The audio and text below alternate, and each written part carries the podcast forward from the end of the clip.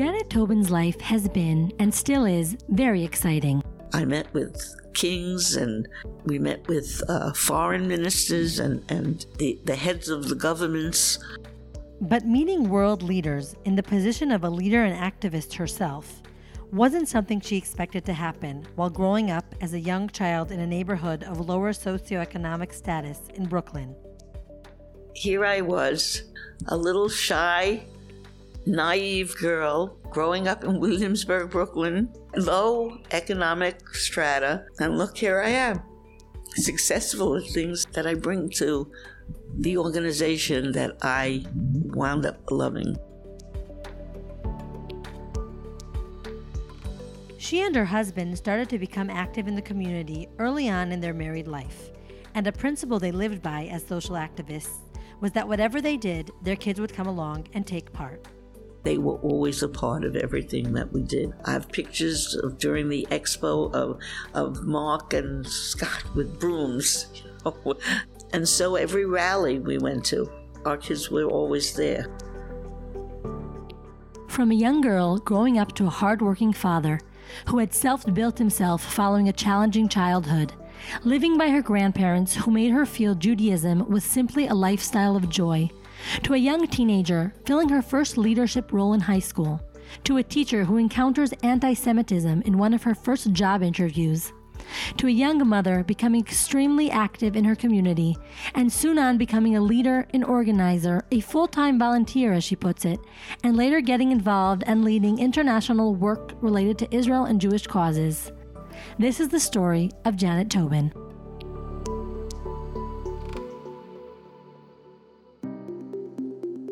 My name is Janet Tobin. I do not have a middle name. I was born in uh, 1937, March uh, 25th, March 25th, 1937, to Molly Rosen and Abraham Rosen. And I was uh, born in Williamsburg, Brooklyn. My mother had gone into labor while she was at the movies, and uh, since she loved movies, especially Janet Gaynor and Clark Gable. When she knew that I, she had a little girl, she named me Janet. but my Yiddish name is Shandel. My mother said I was a beautiful baby, a blonde, blonde, beautiful baby that the nurses used to put bows in my hair when they brought her, me to her. My mother was born in the United States in the lower on the Lower East Side of Manhattan. She um, had one brother, older brother, who was also born in Manhattan, because my uh, Bobby, my grandmother, lost four children, uh, four babies, in Europe, mainly because of illness. They came from Austria, Poland, that area my grandfather was from a shtetl. My grandmother basically was from Lemberg in, in Vienna and uh, married my grandfather. And uh, she was a wonderful seamstress and baker and, and terrific, terrific lady.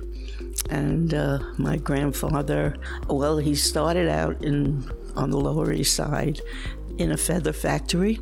Then he had a grocery when we when they moved to Williamsburg, he had a, a grocery. Her mother, Molly, grew up in a tenement house. Oh, in the tenements, there were two families on each floor but they shared a bathroom that was not in the apartments. And uh, uh, my grandmother used to fill the basin with water for them in the big basin, and they were able to take baths. There was no tub or anything like that, it was just a big tub like for washing dishes and whatever it was that my grandmother would fill for them to you know, to take baths and stuff. When they moved into Brooklyn, each one of them had their own room. And uh, they had a bathroom in the apartment. So then my mother felt they were like, you know, upper class. she lived in a, a five story tenement uh, until she was 12 or 13, and uh, the whole house was one family.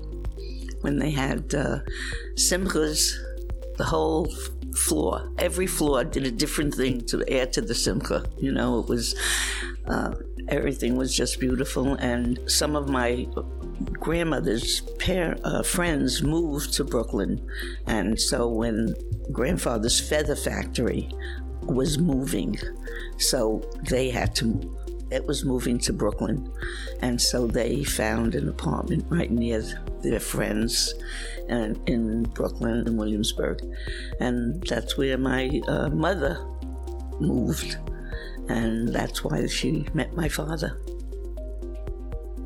My mother was always a feisty woman, tells me Janet. As a young girl, she was a tomboy and could get away with anything because her older brother backed her up. One incident from early childhood even ended in her having to switch schools. My grandparents uh, had her go to Cheder, okay? And uh, she was not happy there, very happy. And she used to fight with the rabbi all the time.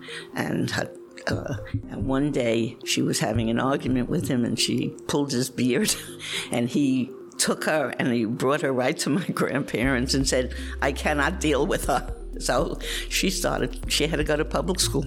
And that was it. but she loved loved sports. She was a, a handball player. She was, a, you know, a ball player. She was also skinny, skinny and feisty. And because of those two qualities, her family surprisingly became one of the first people Janet knows of to have a charge account. When my mother was growing up, um, she would go they would go to shul to meet my grandfather my grandfather came over with a whole group of friends uh, and uh, they started the shul was in my grandmother's house at first, and then they moved to a storefront, and they had the shul. We would go to the shul to meet my grandfather, you know, uh, Saturday night, and on the way home, we would stop and uh, when the toy store, my my one of my grandfather's friends had a toy store, and so we would stop at the toy store pick up a toy, each one of us, my uncle, my uncle and my mother, and then my grandfather would pay for, for it on Sunday because he didn't have any money in his pockets in the store. And uh, the same thing with uh, the uh, like the luncheonette that was nearby. My mother would was skinny you know, skinny and feisty. And she used it. So my grandfather and grandmother said to her, You have to go and get them malted every day. And she also would go get them malted, and they would, my grandfather would come the following day or Sunday and pay for whatever she took. So actually, it was like having a charge account. Right? They had a charge account with the luncheonette and with the toy store, and uh, I don't think it, it, I don't think they had charge accounts at the time, but they had charge accounts. The parents of Janet's father, Abi or Al, as his friends called him, had come to America from Russia. My father was also born in Brooklyn. He was uh, not the youngest, next to the youngest of, of uh, five children. Uh, his mother was not a well woman. Her husband, who was a rabbi, uh, left her with the five children. Uh, my father was the only boy. My father and the youngest, and one uh, um, above him, went to this um, Jewish uh, orphanage that they had for children that um, whose parents could not afford to keep them, and uh, but they were uh, in and out. You know, at the age of 13, my father was taken out because he had to go to work and help support, you know, with the older two children. But he had a wonderful, wonderful uh, experience in this orphanage with other Jewish young young boys and girls, and they all stuck together. And they used to meet in Florida once a year, you know, as a group to talk about where they came from.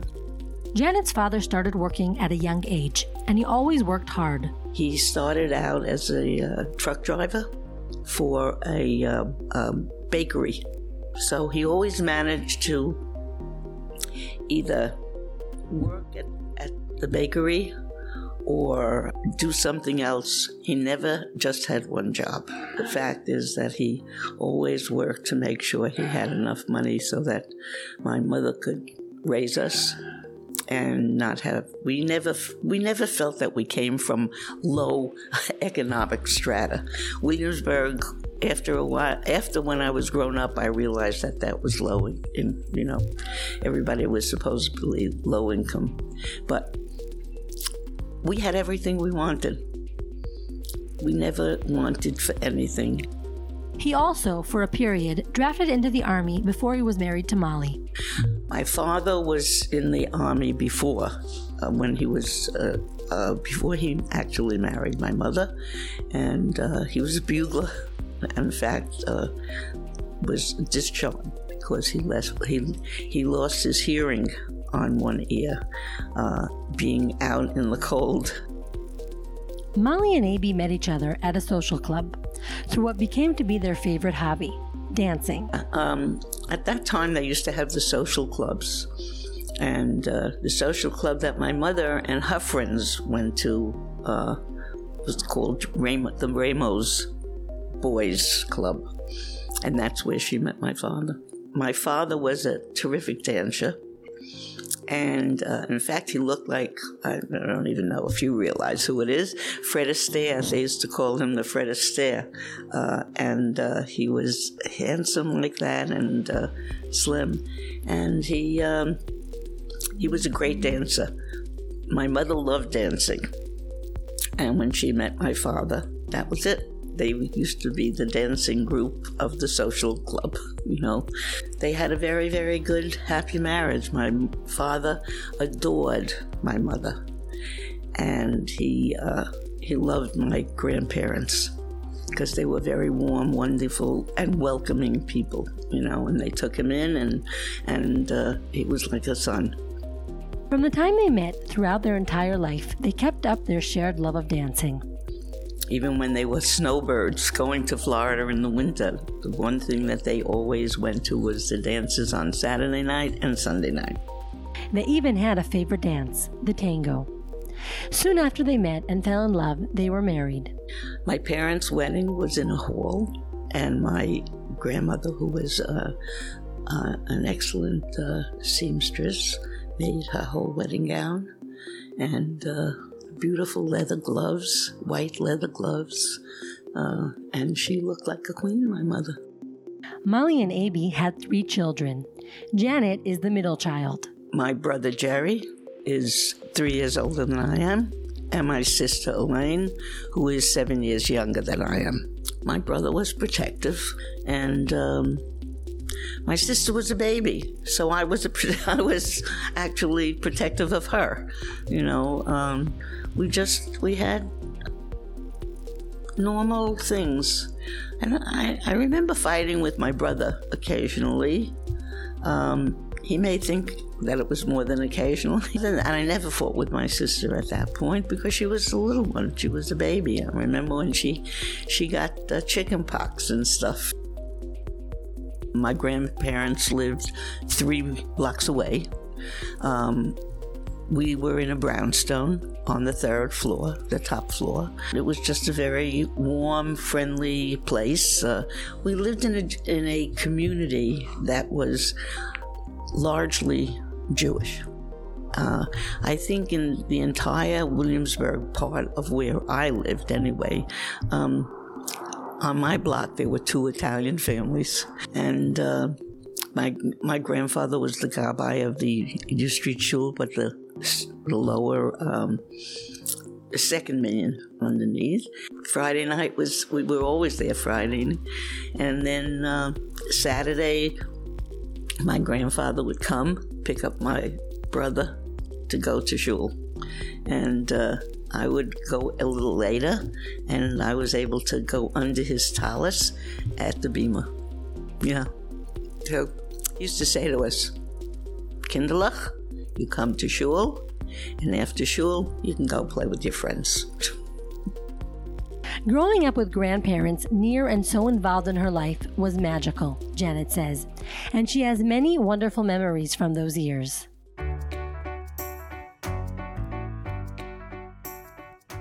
on Friday, my grandfather would come while we we always walked back and forth from school. Um, it was a long walk, but we never even thought about it.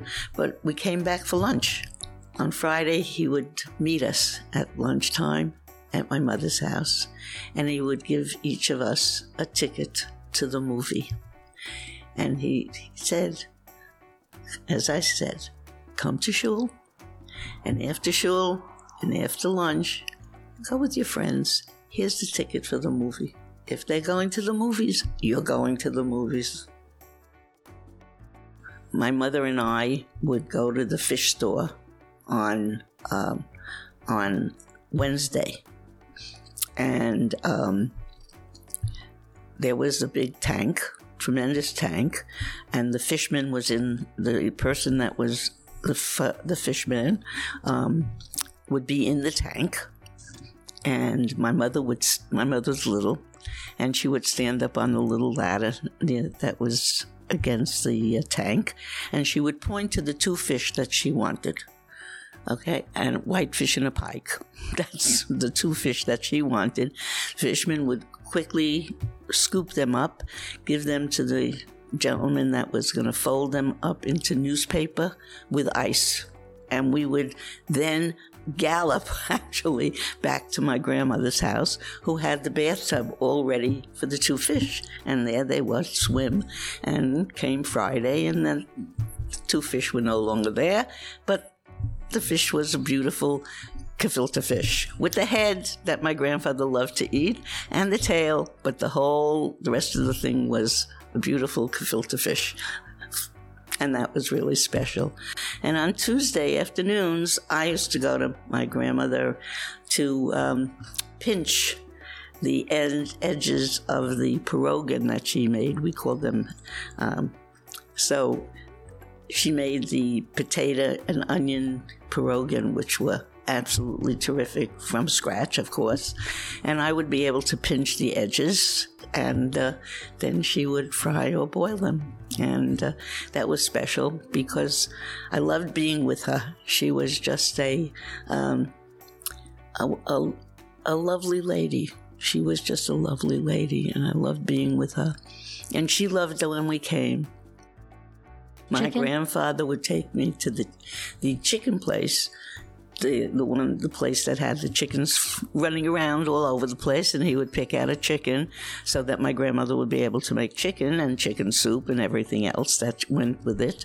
Um, and but he never let me see a shochet. Never, I never saw a chicken shochet.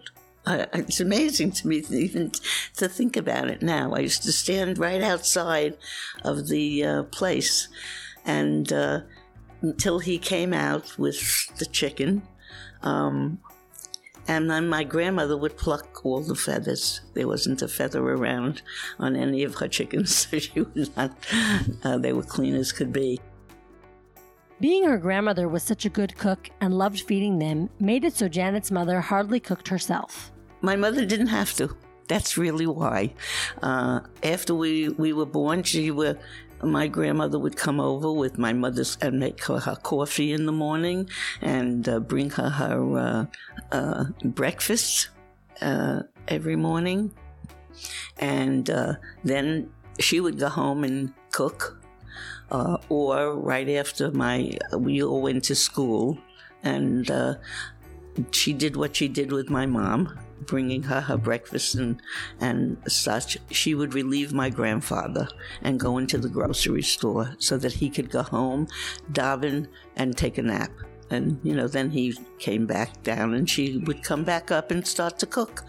And she, she would, at first, we always had dinner there until my father said after I was born, Molly, it's time that we stayed home and you made dinner. So she got my dinner, her dinner from my mother's, my grandmother's house, and that's how she she made her own dinner. Janet had a great relationship with her grandmother. I was allowed to brush her. You know, she would love when I brushed her hair, and I would help braid it, and she would make a whole little kugel in the back from the braid. Yeah, she was she was unbelievable. Yeah, and and what a cook! That house always smelled delicious. She was up, they were up on the third floor. It was a walk up. And I remember that uh, soon after, you know, she got diabetes and she had a hard time, so she never came down, you know, when she was older. Passed away when I was 12 years old. It's really sad. After my grandmother passed away, my grandfather came to live with us in uh, Williamsburg, and my mother had to make certain things, and she learned how to make filter fish, and she learned how to make chicken soup because those were my fav- my, my grandfather's favorites, and she always had that ready for, for him. We moved out of rooms so my grandfather could have a room of his own. The three of us were in the big bedroom at the time, and then my parents had a couch that opened up to sleep. With her grandfather, she also had a great relationship, and Janet remembers him fondly. He was quite a, a terrific grandfather. He had a twinkle in his eye all the time. And if you asked him a question, he would say, Why? Because. Or he would ask me a question and he'd say, Answer me in the English. Only wanted to think, you know, speak English.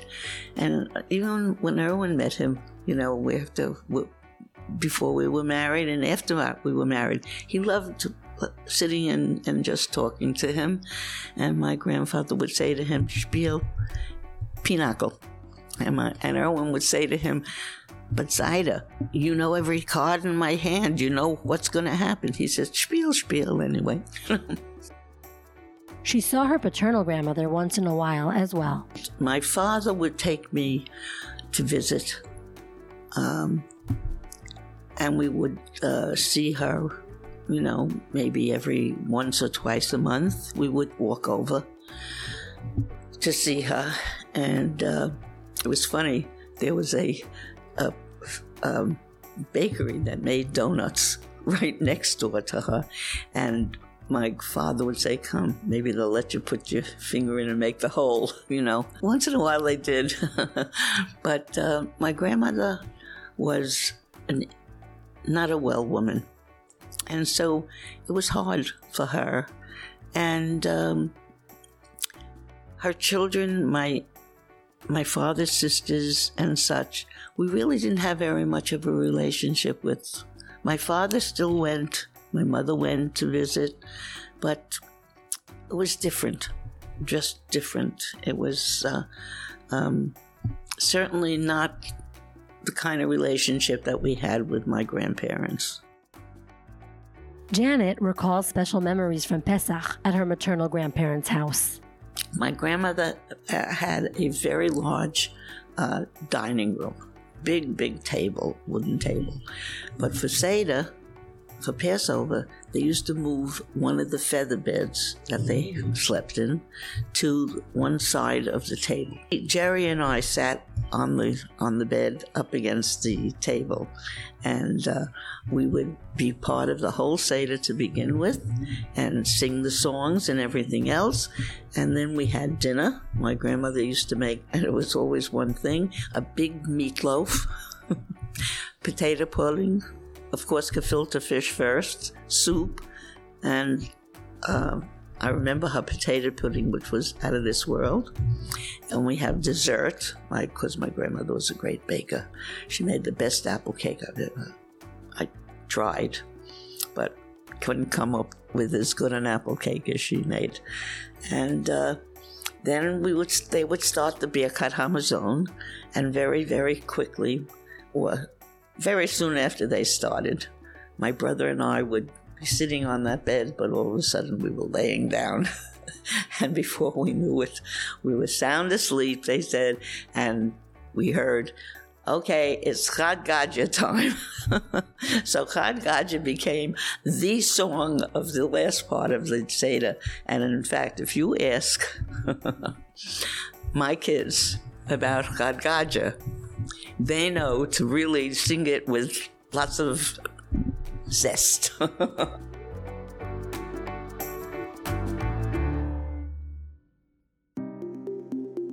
I learned a lot growing up with my parents, says Janet.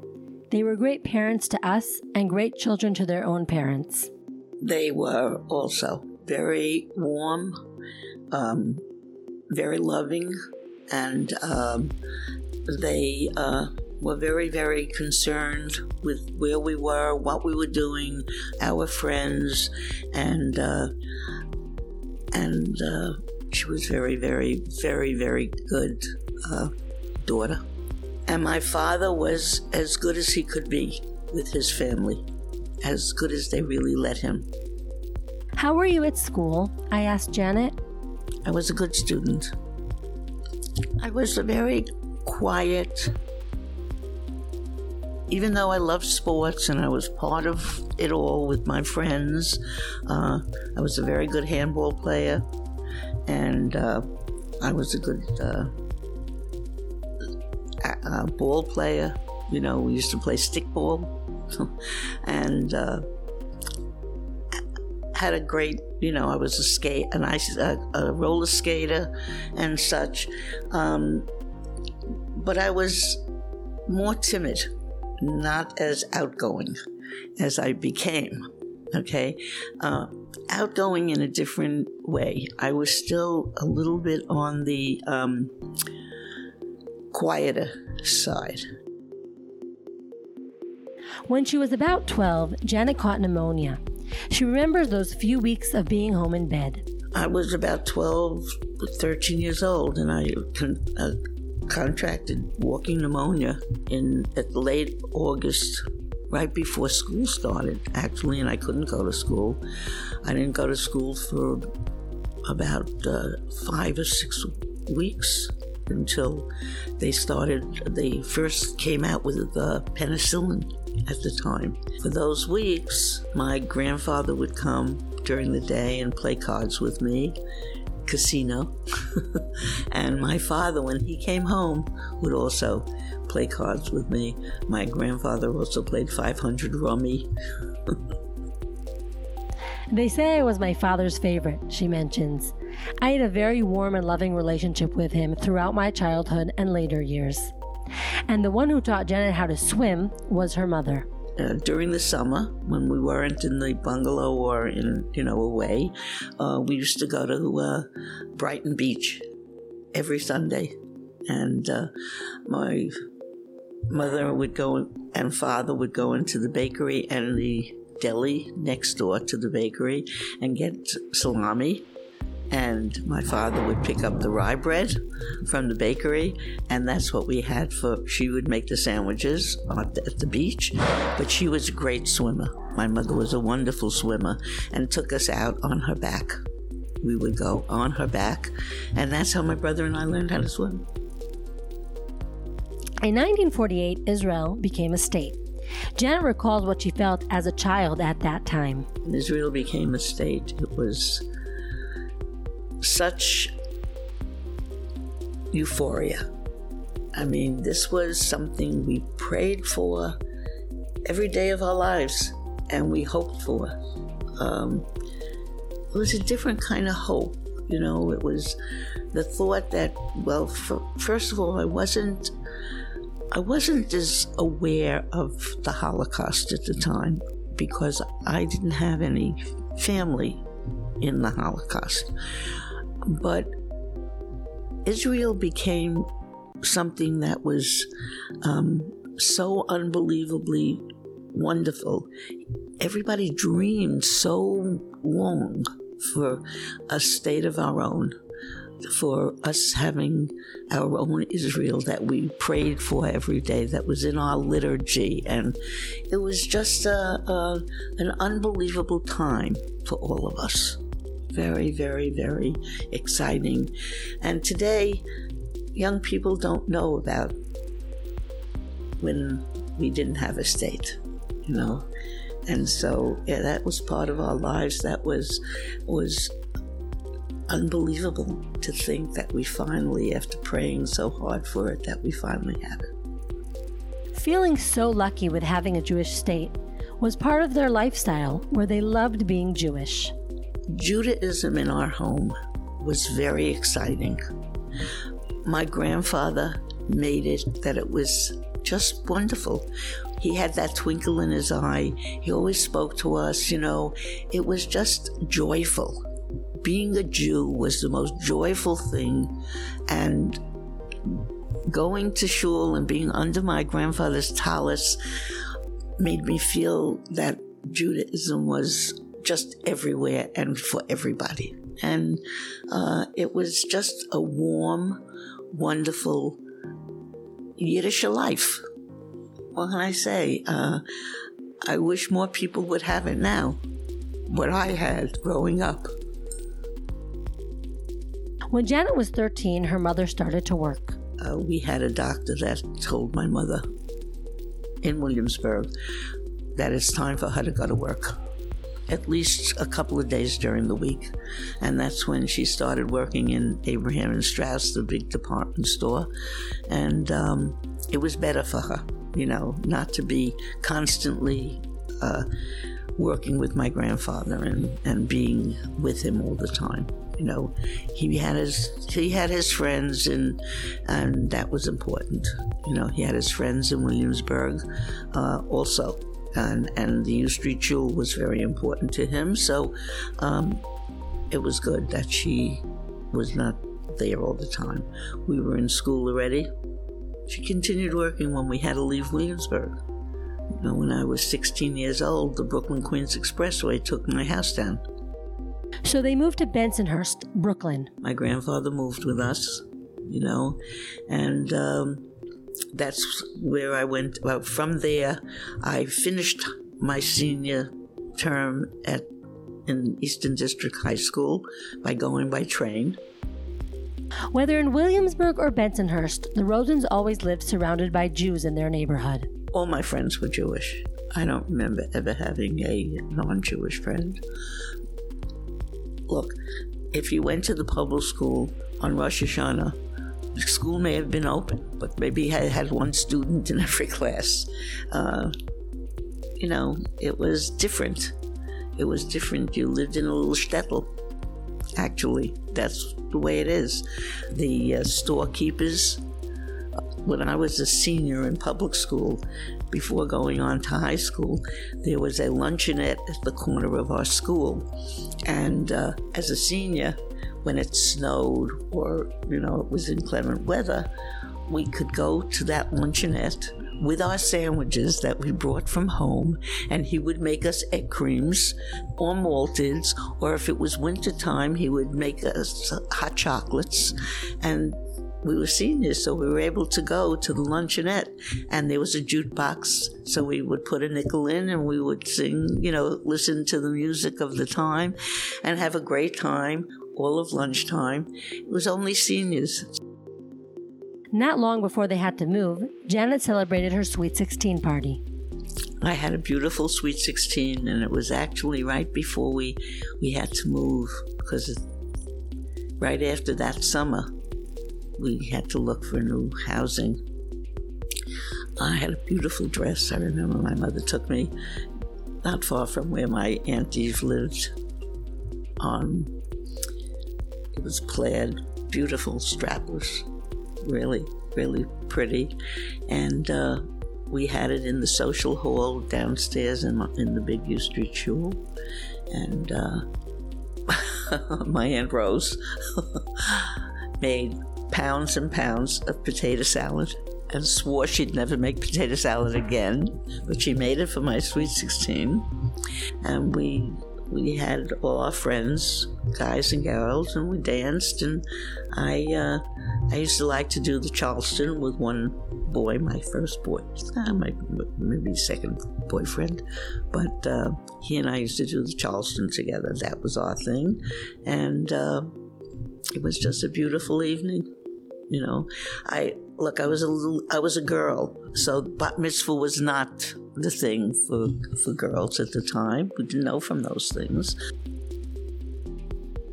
Putting effort into celebrating every happy family event is something I grew up on, tells me Janet, and something she kept doing with her kids later on. My father always had a big cake made for us, and we always celebrated Yeah.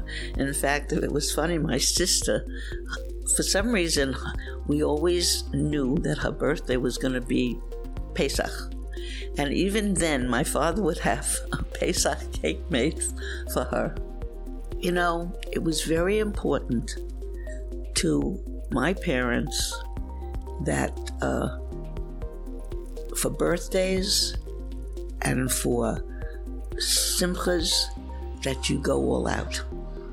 And that's exactly the way I grew up.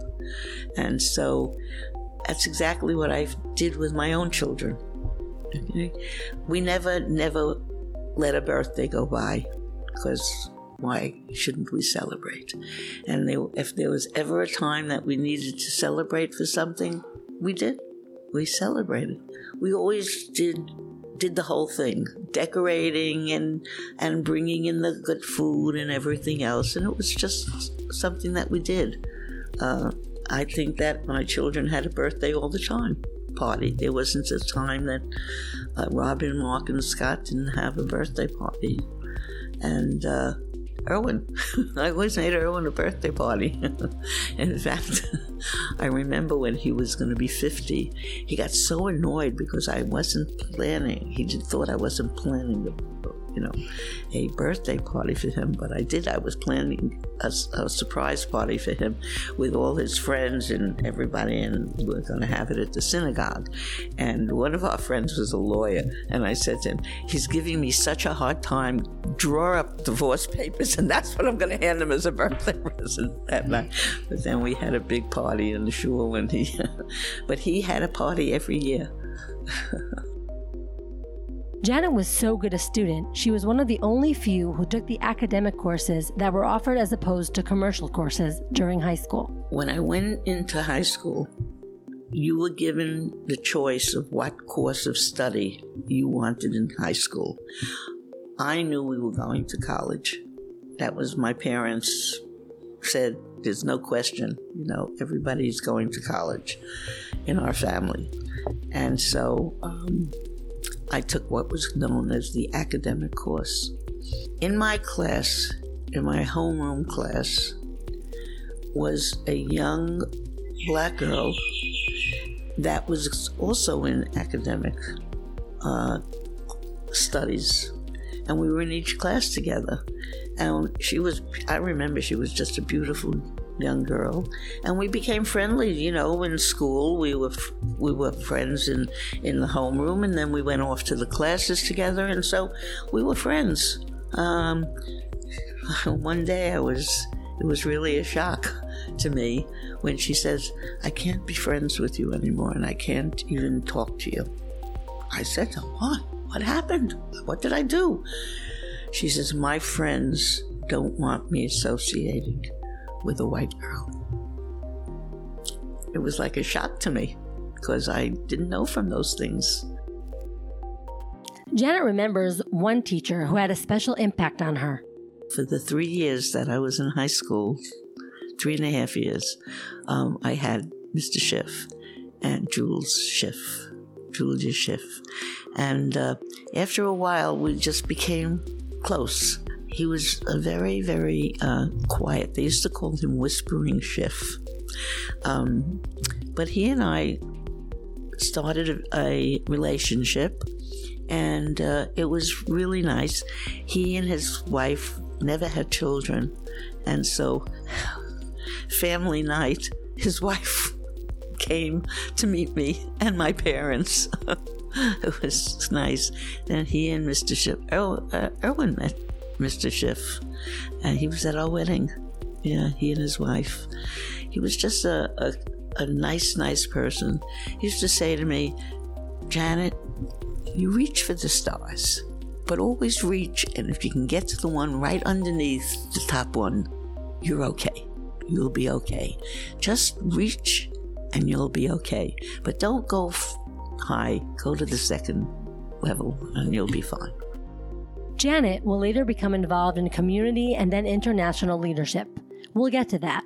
But her first leadership role was in high school. I was the vice president of the senior class. That was my first real leadership Um, and so we had our meetings the first period of every day. And that's when I had typing. I wound up getting an A in typing without having been there. And so my mother did all my typing all through college as well. She typed all my papers. And then when I married Erwin, and I went and taught, um, the secretaries in the school I taught in did my typing, and Erwin's secretaries in his office did my typing. I still don't type. I'm a computer one thing at a time. Janet's mother going to work at a big department store while Janet was in high school had its advantages. When I was uh, 16, 17, I would go down to meet my mother, and she would take me across the street, not to A&S.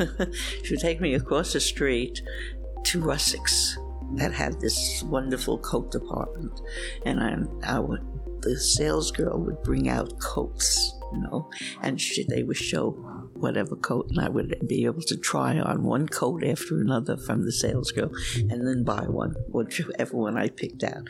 And afterwards, there was a Horn and, Horn and Hardart restaurant, you know, a uh, Horn and Hardart automat that uh, you put a nickel in the uh, slot and you'd get crumb cake or put other nickels in and get tea, you know, and my mother and I would have tea and crumb cakes every time I went to buy a coat and such.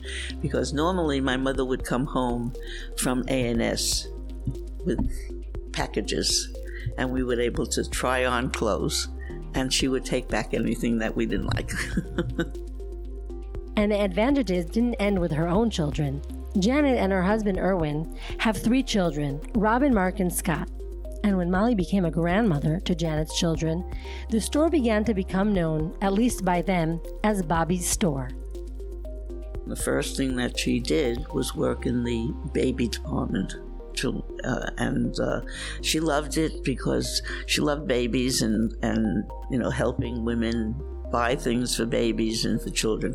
But soon after she was taken upstairs to the uh, uh, credit department and started working uh, on the credit. And then she became assistant credit manager in A&S, even part time, still part time, because she never worked past four o'clock.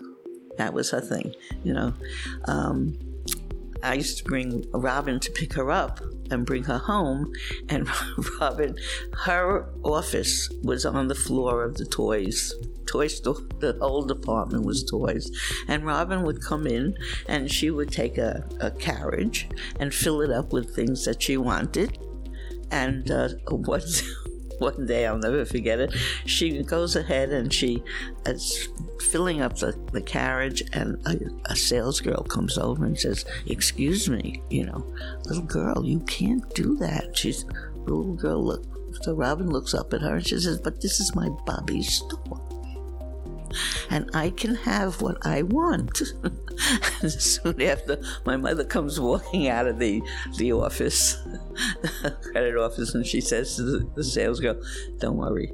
She picks out the, the necessities, and, and I'll take care of it. Not a, not a problem. But that was Robin. This is my Bobby store. and then during uh, Christmas, they used to have a, a a big in the toy department. They used to have Santa Claus sitting there with all the all kinds of uh, decorations for for Christmas, and uh, I showed Robin, and she went online to go uh, to sit on Santa's lap. I had very close friends, Marianne and Joe Maturano, that um, I met when I started teaching, and um, we always went to get uh, decorate the Chris, their Christmas tree, and uh, she would always have things under the tree, Marianne for for Robin and Mark then, and uh, and Scott and such. But um, that day, Robin was a little little girl, and she went and she sat on Santa Claus's lap, and Santa said to her, "So, my little girl, what would you like?" Me Santa to bring you for Christmas. She says, No, no, no. You cannot bring me something. You could bring it and bring it and put it under my Aunt Marianne's tree, but I'm a Hanukkah girl. Little Mark later also benefited from his grandma's store. Mark, I think every week he got a new uniform in the mail you know, UPS would come with with a Jets uniform, a Giant uniform, from the head to toe, you know, and a football that went with it, and uh, even with the baseball. Yeah, that was one thing. And my father used to come on Sunday, and he loved playing with Mark. Absolutely, my father in his little hat and uh, raincoat or a heavy winter coat, but he'd take him in the back in the back and play baseball with him. But let's get back to teenage Janet. She was just finishing high school and decided to go to Brooklyn College. She studied education and psychology. I was always a good student, she tells me, so I did well. And it was during those college years that she met Erwin, her future husband. They were both on a student trip to Florida. It was the first time I had ever flown on a plane, and you got the plane was one says it was in the it was a Hungarian plane that was part of the war. There were even bullet bullet holes on it in it. A little bumpy. Eleven hours to get to Florida. Could you imagine 11 hours on a plane to get to Florida? No seats, sitting on the floor of the plane. And then I met Erwin. He was sitting at the pool, and he said to me, "You want to scratch my back?" And instead, I threw him in the pool, and that's when we started to see each other every night. But uh, it was nice, you know. It was nice. Erwin was an extremely respectful young man, handsome, much taller than I was, so I could wear heels and such. So we uh, we hooked up. And then going home, we had the same plane. we were sitting on the floor, and I, I ate an orange and stuff and wound up throwing all over Erwin. It was terrible. I was so upset and so nervous that I would never see him again after I was after throwing up all over him. But he came down and he met my mother and father at the plane, and then following day, he called. And after he called her, they went out on their first official date. First date was when he we took a ride on a Sunday, and he took me out to meet his parents at his who were visiting his aunt and uncle, who they used to go to every Sunday in uh, in Levittown. So we went out and I met his parents immediately and the family, and uh, that was really something. Coming back, Erwin came up to up to to the house, to the apartment, and my father offered, or my mother offered ice cream. my father, being nervous, and he was nervous because he didn't know what was going on with with, that, with Erwin. Um, the, the ice cream fell into Erwin's lap, and my father was mushing it to clean it off. It was really really funny. It was it was a funny scene, believe me, a very funny scene.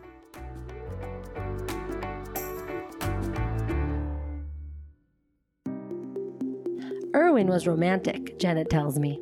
I used to get a card once a week in, in the in the mail telling me about how much he loved me. really beautiful cards. I probably have most of them. What were the qualities that attracted you to Erwin? I ask her. Erwin was very handsome, tall and handsome, um, quiet, and we seemed to like the same things and enjoyed going to sporting events. We went to West Point.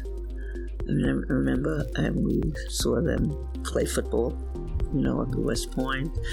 And um, he was gentle and he loved sports. He was a good athlete. We just, I guess it was the, we met at the right time for both of us. Janet and Erwin have now been married 65 years.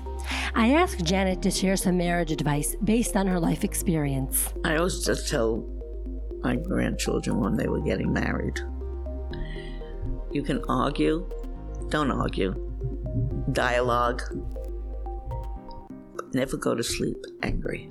You can disagree with one another. And believe me, Erwin and I didn't agree with all times. Uh, but we managed to do things. And I have to say that Erwin was, um,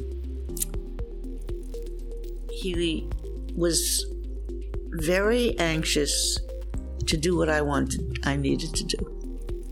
We never had a problem with what I did with my with all of the different organizations that I was with. He was always very supportive of everything, and uh, uh, we seemed to have the same feelings about how to bring up our children. So, a few months after they met, Janet and Erwin were married. We had a beautiful wedding at a synagogue. I had a beautiful gown that my mother did not make. Erwin was in tails. And it was a very cold, cold, cold night. In fact, the limousine that picked me up to take me to the uh, to the hall, you couldn't open the windows. It was a great wedding. They then moved to Douglaston, Queens we moved out to Douglaston long because my mother's very closest friend, they were in the tenement house together, moved to this new community in Douglaston, uh, and she said apply for an apartment, and I wound we wound up getting in a, a, one bedroom apartment right across the street from my and I called her Aunt Jean. We figured, okay, we we like being out there. Bronx, Brooklyn, Queens. That's we were in the middle. And then Janet starts to work as a teacher. I love teaching. I loved it. Second, third, and fourth. I never ever took a grade on uh, the same grade every year. That was me. I like to be fresh and be prepared with new things every year you know, that would be helpful to the children that I was teaching. And uh, I first taught in Brooklyn. Um, I taught a, a, third grade in Brooklyn, and uh, it was very interesting to me. Um, here I was right out of college, and um, when I called for parents for teaching, you know, teacher parent uh, conferences, I was as nervous as could be. How am I supposed to tell a parent what, you know, about their child, you know? And it was something. But the first conference, right, the parent comes up, mother, mother comes up, and she's more nervous than I am. right? It was a blue collar community, and the teacher was the queen. That's it. The mothers were so frightened that the teacher would have something bad to say about their children that you didn't have when I I didn't have that same kind of thing when I moved, when I taught out in, on, the, on the island, and that was good. And I'll never forget the first year uh, teaching in Brooklyn. Came March, all of a sudden I had very few children in the classroom, chicken pox or measles that was the time when they all had those spring, you know, uh, things, and the class was half empty all the time. It was interesting. Janet experienced a disturbing incident before starting to teach on the island. Interesting enough, that the first job that I went out on the island was in New Hyde Park. And um, I had a very good interview. And they left me with the idea that uh, there was a, a person that uh, uh, was on maternity leave, and I could take that position. Sixth grade class. Okay. It was, I was in Douglaston. It was maybe 10, 15 minutes away from the apartment. I was so happy. I came home. I was elated. I said to uh, to Erwin, my God, I have I have this job. I know I'm going to get the, and I'm waiting and waiting, never get the call. and I call up, and for some reason, it was a very strange kind of an answer that I was given. Oh, uh, somebody else came back, and uh, we don't have the position for you. I found out that the reason that I wasn't given the job was because I was Jewish. Yeah. It seemed that New Hyde Park was very, very anti Semitic. And so when I had the interview in uh, Plainedge with the head of the uh, board, you know, and the head of the school, um, he kept saying to me, gee, you know, um, your name is, your maiden name is Rosen, and you have an, an Irish um, married name. And I looked at him and I said to him, I am Jewish. And the Tobin comes from Taubin Kimmel. And he started asking me all kinds of questions. And at that point already, once I knew what, what happened in New Hyde Park, I was very, very, um, I was thinking very clearly that I better put it on the line of who I am. And so he asked me other questions, and then once again he came back with, "Well, you said Tobin is a very, very class, classic uh, Irish clan's name." I said, "But we are Jewish," and I got the job. But it was an interesting kind of an interview, you know.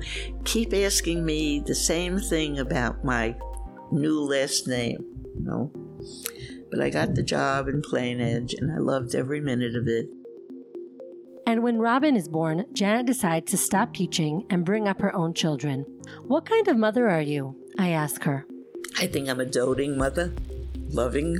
I love to hug and kiss them and be a part of their lives. Um, after I gave birth to Robin, um, I could have gone back to teaching like so many people that I know, friends that I had. And we sat and we talked about it, and he said, No. You got to bring up our children. We're not gonna, I'm not gonna work to have somebody else bring up our children. So I was a stay at home mom, and I loved every minute of it. And I loved being with the kids all the time, was one thing that I enjoyed very much. Robin was in every park under the sun when it was springtime, so was Mark. I had each child. Each child had me for four four years to themselves, actually, because Robin was four and a half, uh, and she went off to school. And then I had Mark. And um, after Mark was four, I had Scott. So, you know, they are each four years apart, and I was able to give them my all. I enjoyed motherhood. I enjoyed being pregnant. I looked beautiful when I was pregnant and uh, felt it and uh, had beautiful babies. Easy, thank God. And uh, it was nice. All three of their children are very athletic. Robin was a swimmer. That was basically, uh, and she was always on the swim team during every summer. She was three years old when she started swimming on the swim team. Um, Mark Mark, my favorite picture of Mark that I have is when he was little, very little. He had a football in one hand and a bottle in his mouth with a leg up. that was just my favorite picture of him as a little, little guy. Um, he always had a ball in his hand. That was it. He uh, Scott liked to play with uh, G.I. Joe, uh, Legos. I mean, anything that uh, was fine. He was just a natural at sports. Um, he loved soccer. And uh, Little League was okay with Scott. Little League was wonderful with Mark. And Erwin was great. He was he was coach of Little League. Um, especially uh, with Mark, because Scott went to Little League. I, I don't remember him being in Little League except for the one time, and he used to just hit the ball, and it would go very, very far, and he would just walk around the bases. It was like nothing to him. It wasn't like Mark loved, loved uh, playing baseball. He, he was terrific at it. He was a catcher the catcher, and uh, and Erwin was his coach, and uh, Scott. Uh, then in high school, of course, he played soccer. Mark played soccer. Uh, Mark in high school was on the swim team. Um, Scott, um, as a senior, played uh, lacrosse. and it was at a lacrosse game, Janet laughs, that she, as a spectator, was sent home by none other than Scott. Erwin and I used to be at every event, every game they played, every uh, team event that they played, we were always in the stands. And when Scott was finished with soccer, so he decided to play lacrosse. After the soccer team was completed uh, in the fall, then the springtime came and it was lacrosse.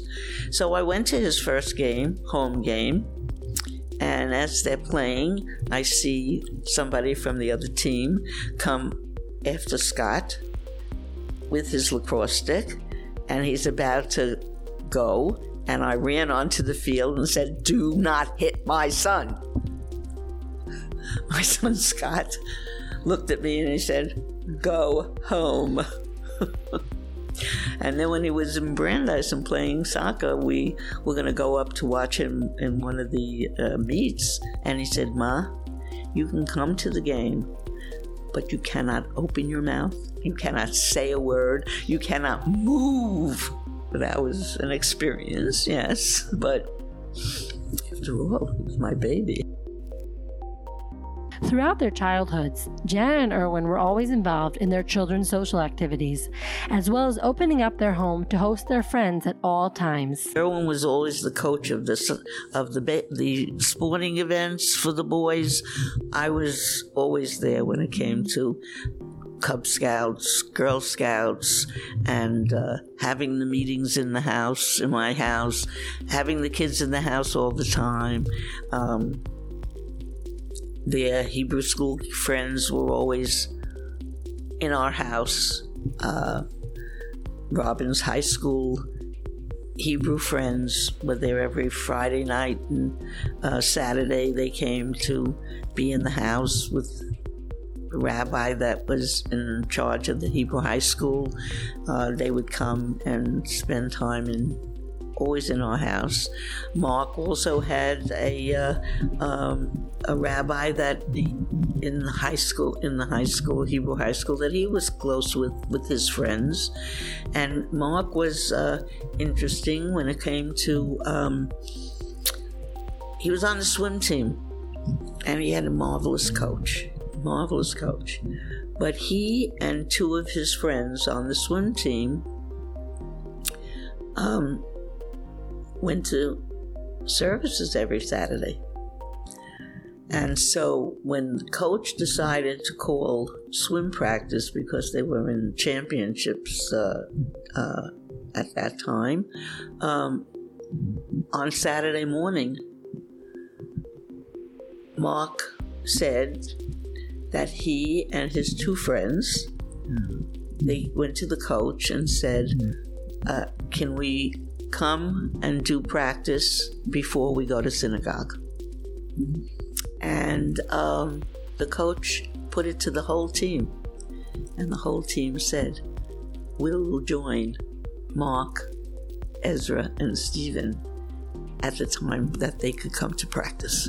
So the whole team came early, and then Mark and his friend Ezra and Stephen would shower and go to shul. And so this was something that Erwin always did with what he did with the uh, teams that he coached. He never allowed anyone to say, Oh, I have to go to Little League and not go to to synagogue, or I have to be at Little League and not go to church with with my you know at that time, and so. Uh, everything he coached, his team was always one that couldn't start playing until two o'clock in the afternoon. And that innovative approach of his towards sports was eagerly adopted by the community. And throughout Erwin's many years of coaching, his league grew and grew because it made sports accessible to all.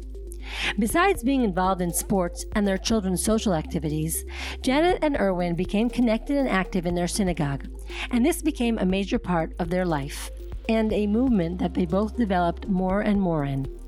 A little after Mark was born, Janet tells me, we joined our community synagogue.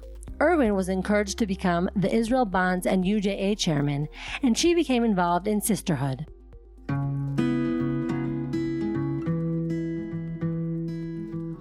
We were very, very involved, especially with Israel at that time. And I was, uh, and and because Erwin and I were not, uh, we did not have family in the Shoah.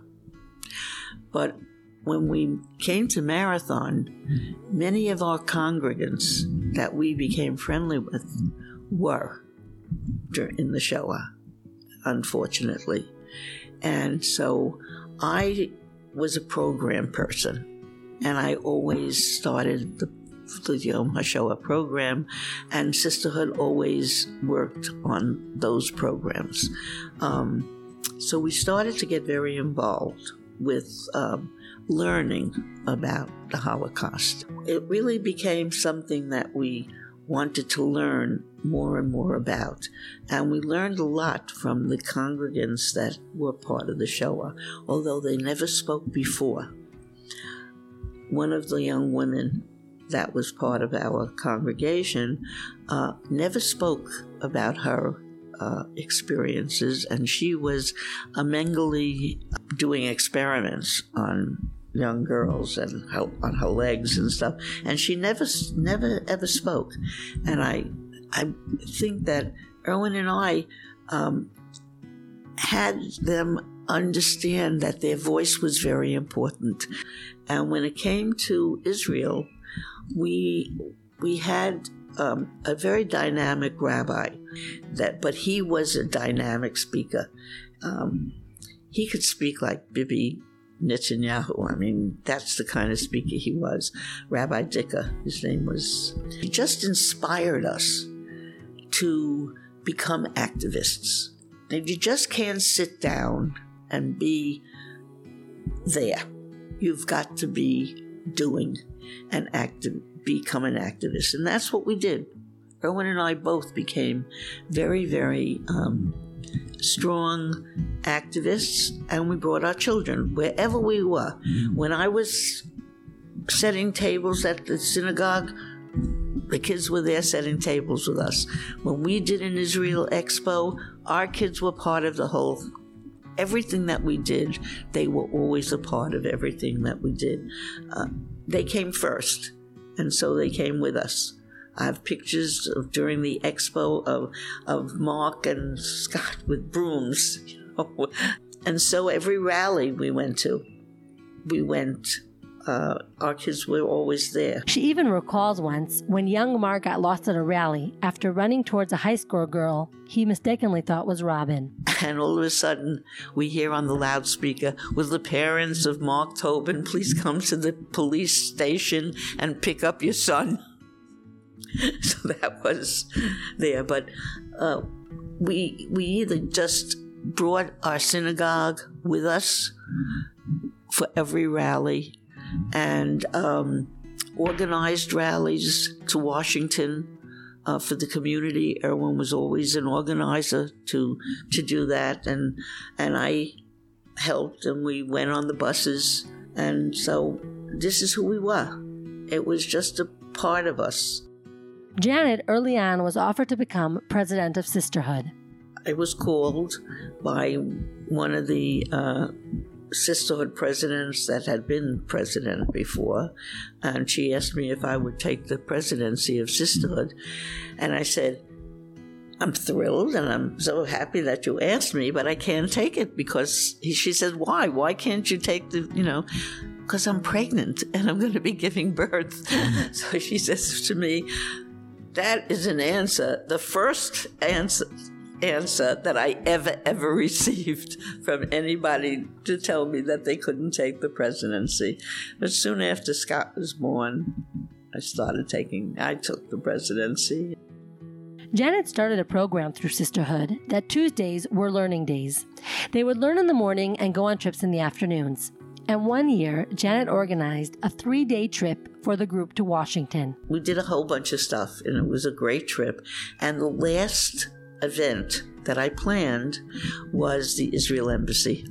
And so we all went to the Israel Embassy. We were given a, a wonderful talk by the head of the embassy and uh, cookies and all kinds of things. And then we got on the bus and we were on our way home. And somebody said, Okay, Janet, what are you doing for us next year? Where are we going next year? And I said to them, How about Jerusalem, Israel? They said, Okay.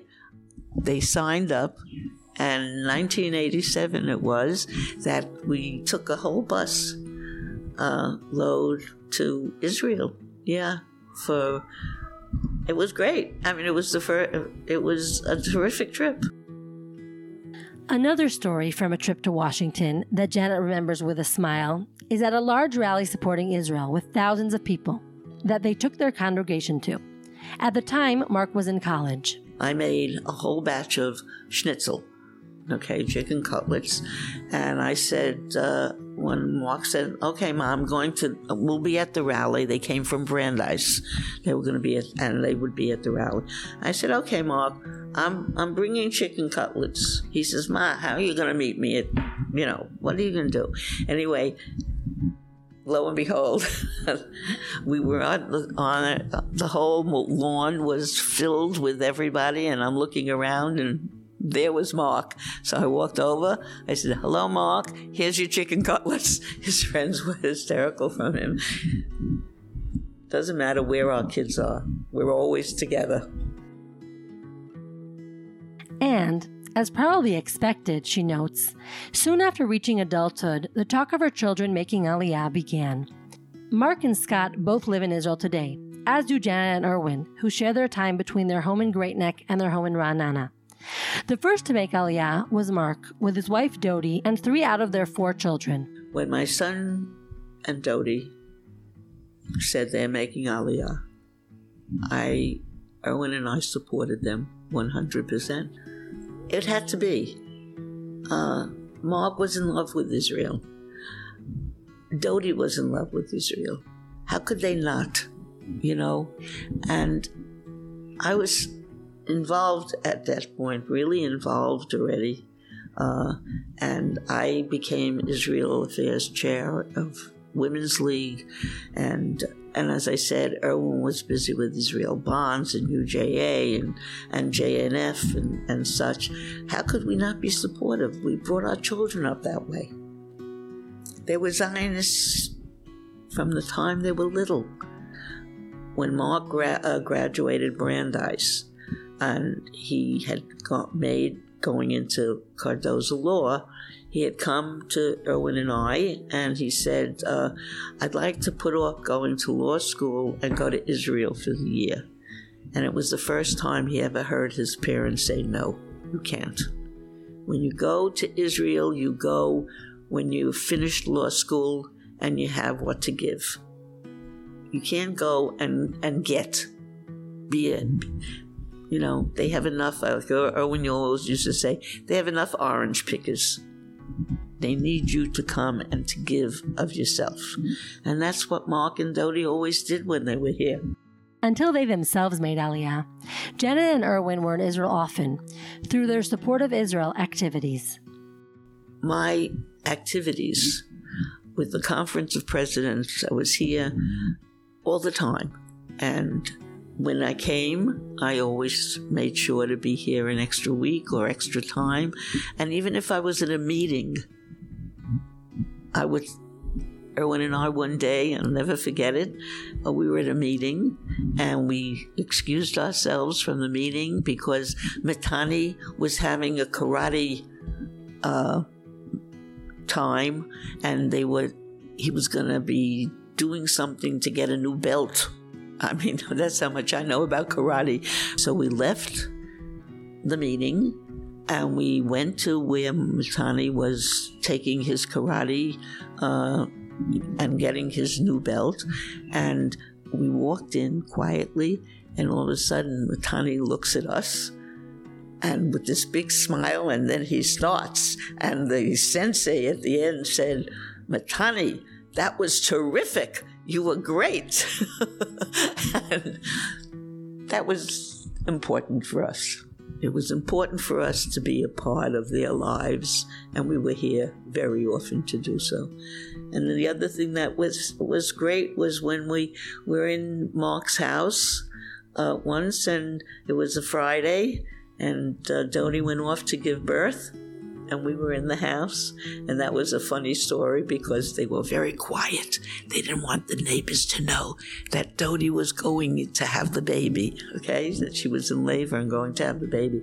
And they tiptoed up the steps and they got into the car, and all of a sudden, the, the the horn started because when he opened the door of the car, he, somehow it, it, it uh, uh, triggered the alarm, and the whole neighborhood knew that Dodie was going to have her baby. And I was lucky to be there when she gave birth to Moria, and I brought her home from the hospital.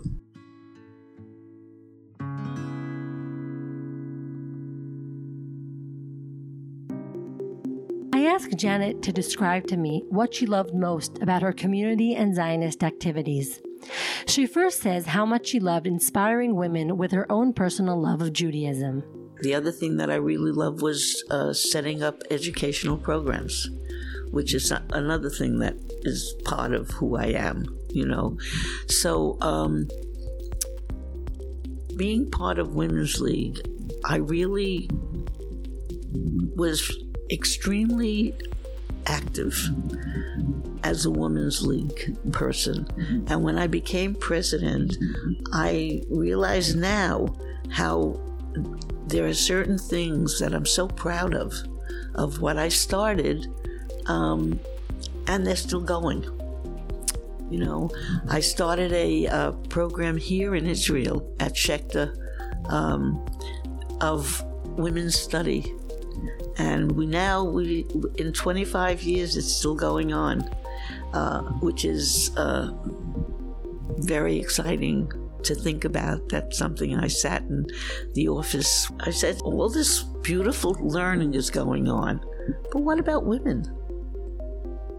Shouldn't we start a women's learning here from right here and now?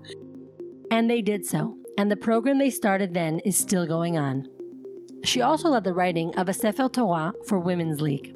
What prompted her to do so was once when they planned a conference, and then when they came to hold a rehearsal. And everybody came for the rehearsal of the morning service because we did Shachrit. And uh, we started in, in the lobby, and the gabbai of the Hillcrest Jewish Center said, You can't come in to my sanctuary. You can't touch my Torah we had to find a new place for the spring conference. This was a week before spring conference because this guy would not let us into the sanctuary. We found another shul that let us come, but I never forgot that. Never ever forgot that. And so when Erwin said something to me about, gee, why don't you write a Torah for Women's League? They should have their own Torah. So nobody will ever tell them they can't they can't touch a Torah. It'll be your Torah that a scribe writes just for your. And I did. We did it, and we wrote a, a, an unbelievable to, you know Torah, which sits at the Jewish Theological Se- Seminary, so it's used every week. And they always asked me, "What prompted you to write that Torah for Women's League. And I told them the story about that gabbai not allowing us. And I said to them, nobody, nobody will ever tell us that we cannot read from our Torah. And that was the reason that that Torah was very successful and it's still being read and at conferences it comes to conference so that's one of my the things that I w- did while I was president. I was very successful. Here I was a little shy naive girl growing up in Williamsburg Brooklyn. Low low middle class low economic strata had everything i could possibly want especially having terrific grandparents and wonderful parents and look here i am. Successful at things that i have that i bring to the organization that i wound up loving. And there are other things that i could say that are very special but those two things that I brought to Women's League, the study days, because now the studies days have become international and they zoom from all over, all over, uh, and that's very, very exciting for me to think about. Nowadays, Janet's volunteer work is focused on a children's home in Kiryat Gat called Neve Chana for children who were removed by the state from their homes. Now, working for the children at Neve Chana in Kiryat Gat, I have such also wonderful, wonderful, proud um, things that have occurred. And one of the things was also the writing of a Sephardic Torah, because 95% of the children have a Sephardic background that are there. And we had the the Torah dedicated. The morning of the dedication, Dodie told Mark, We have to be there. And she was at that dedication at Neve Chana, which was very special for me. Because I was, I've always been very proud of all the things she's done, but she's always been very proud of the things that I accomplished. And it was so wonderful having Mark and Dodie there. Jennifer was there and the children.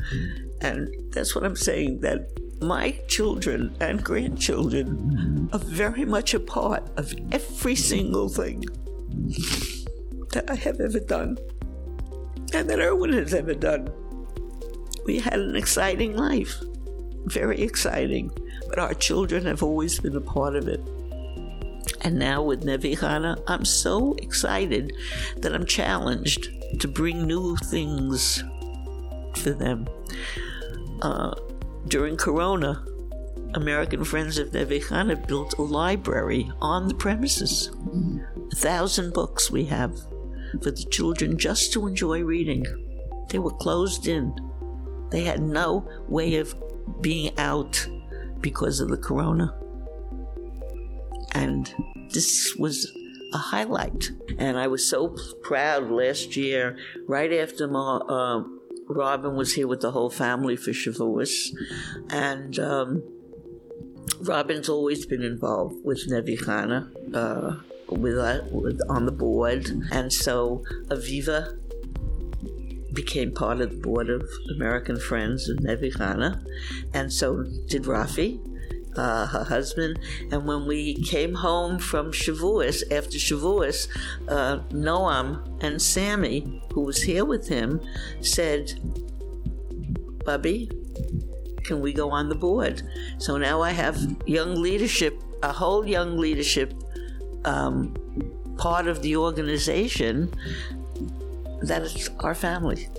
So, as far as many people of Robin's friends that have become donors uh, at Neve they call it Rob the family Robin's family's uh, organization, and so it gives me a great deal of pleasure working and thinking and coming up with new ideas to um, for us to be able to bring, you know, joy to these young people that are brought in to Neve Chana by the courts, um, for them to break loose of their what what they came from, you know, and realize that they're such beautiful human beings, and this is what we do.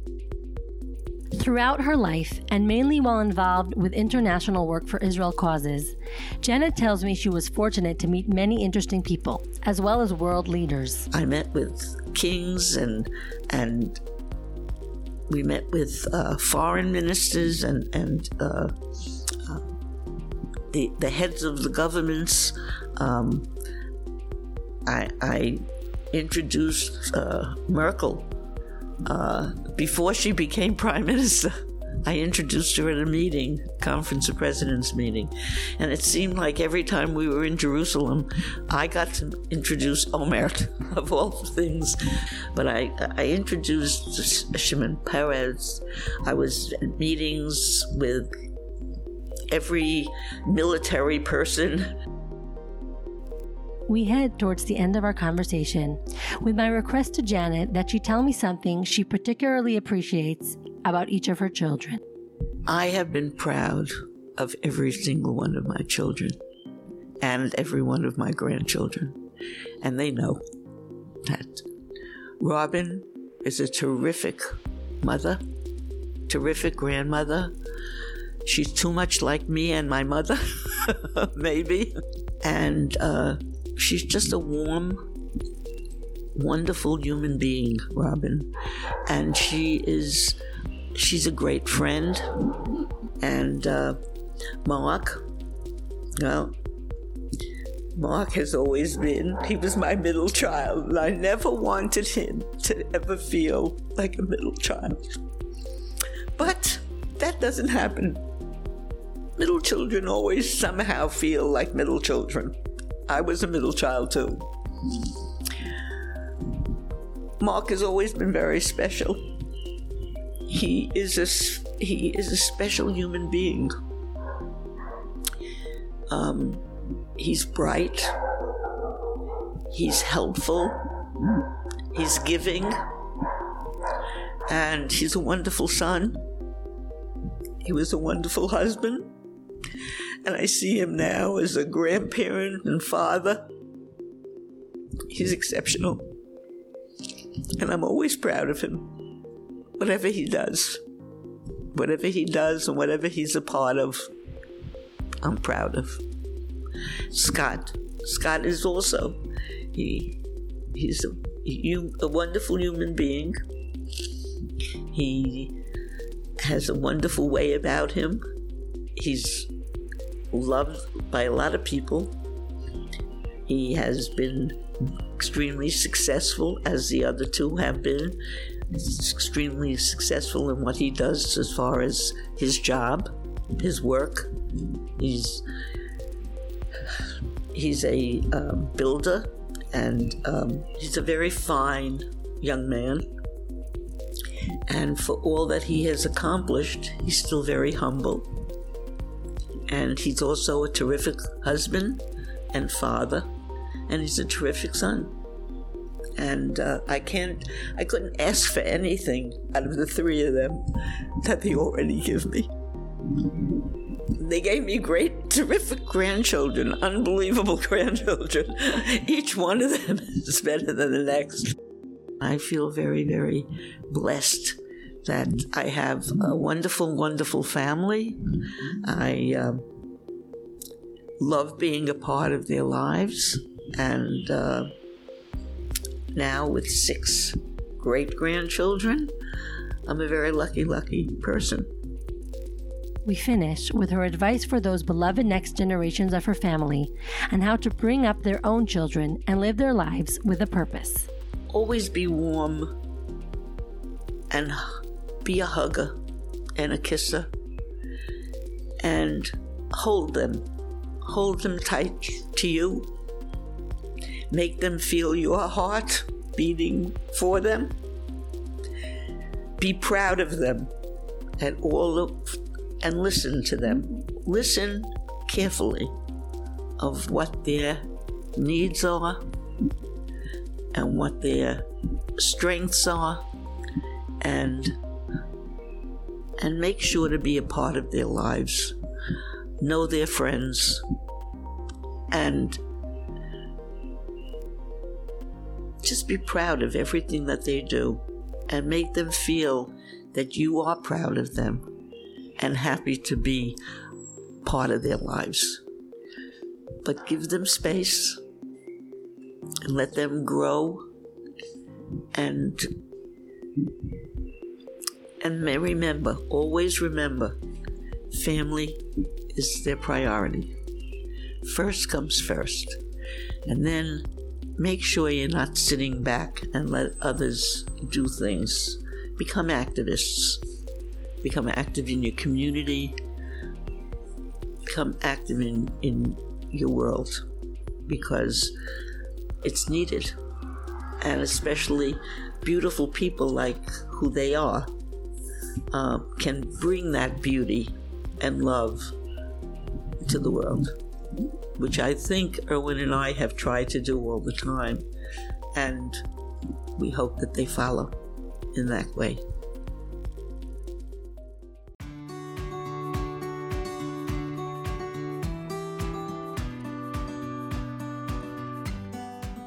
Janet Tobin grew up in neighborhoods of lower socioeconomic status, but never felt she wanted for anything.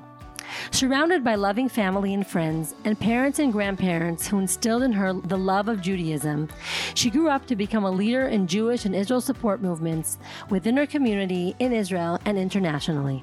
She lives her life based on her beliefs of being a doer for others, loving and involving family in every aspect of life, and being active and optimistic whether things are good or challenging. She is warm and smiling, cares about others, has made and continues to make a change in this world, and is a source of inspiration for many. We wish you many more years of happiness, health, and family time, Janet. Your loving family.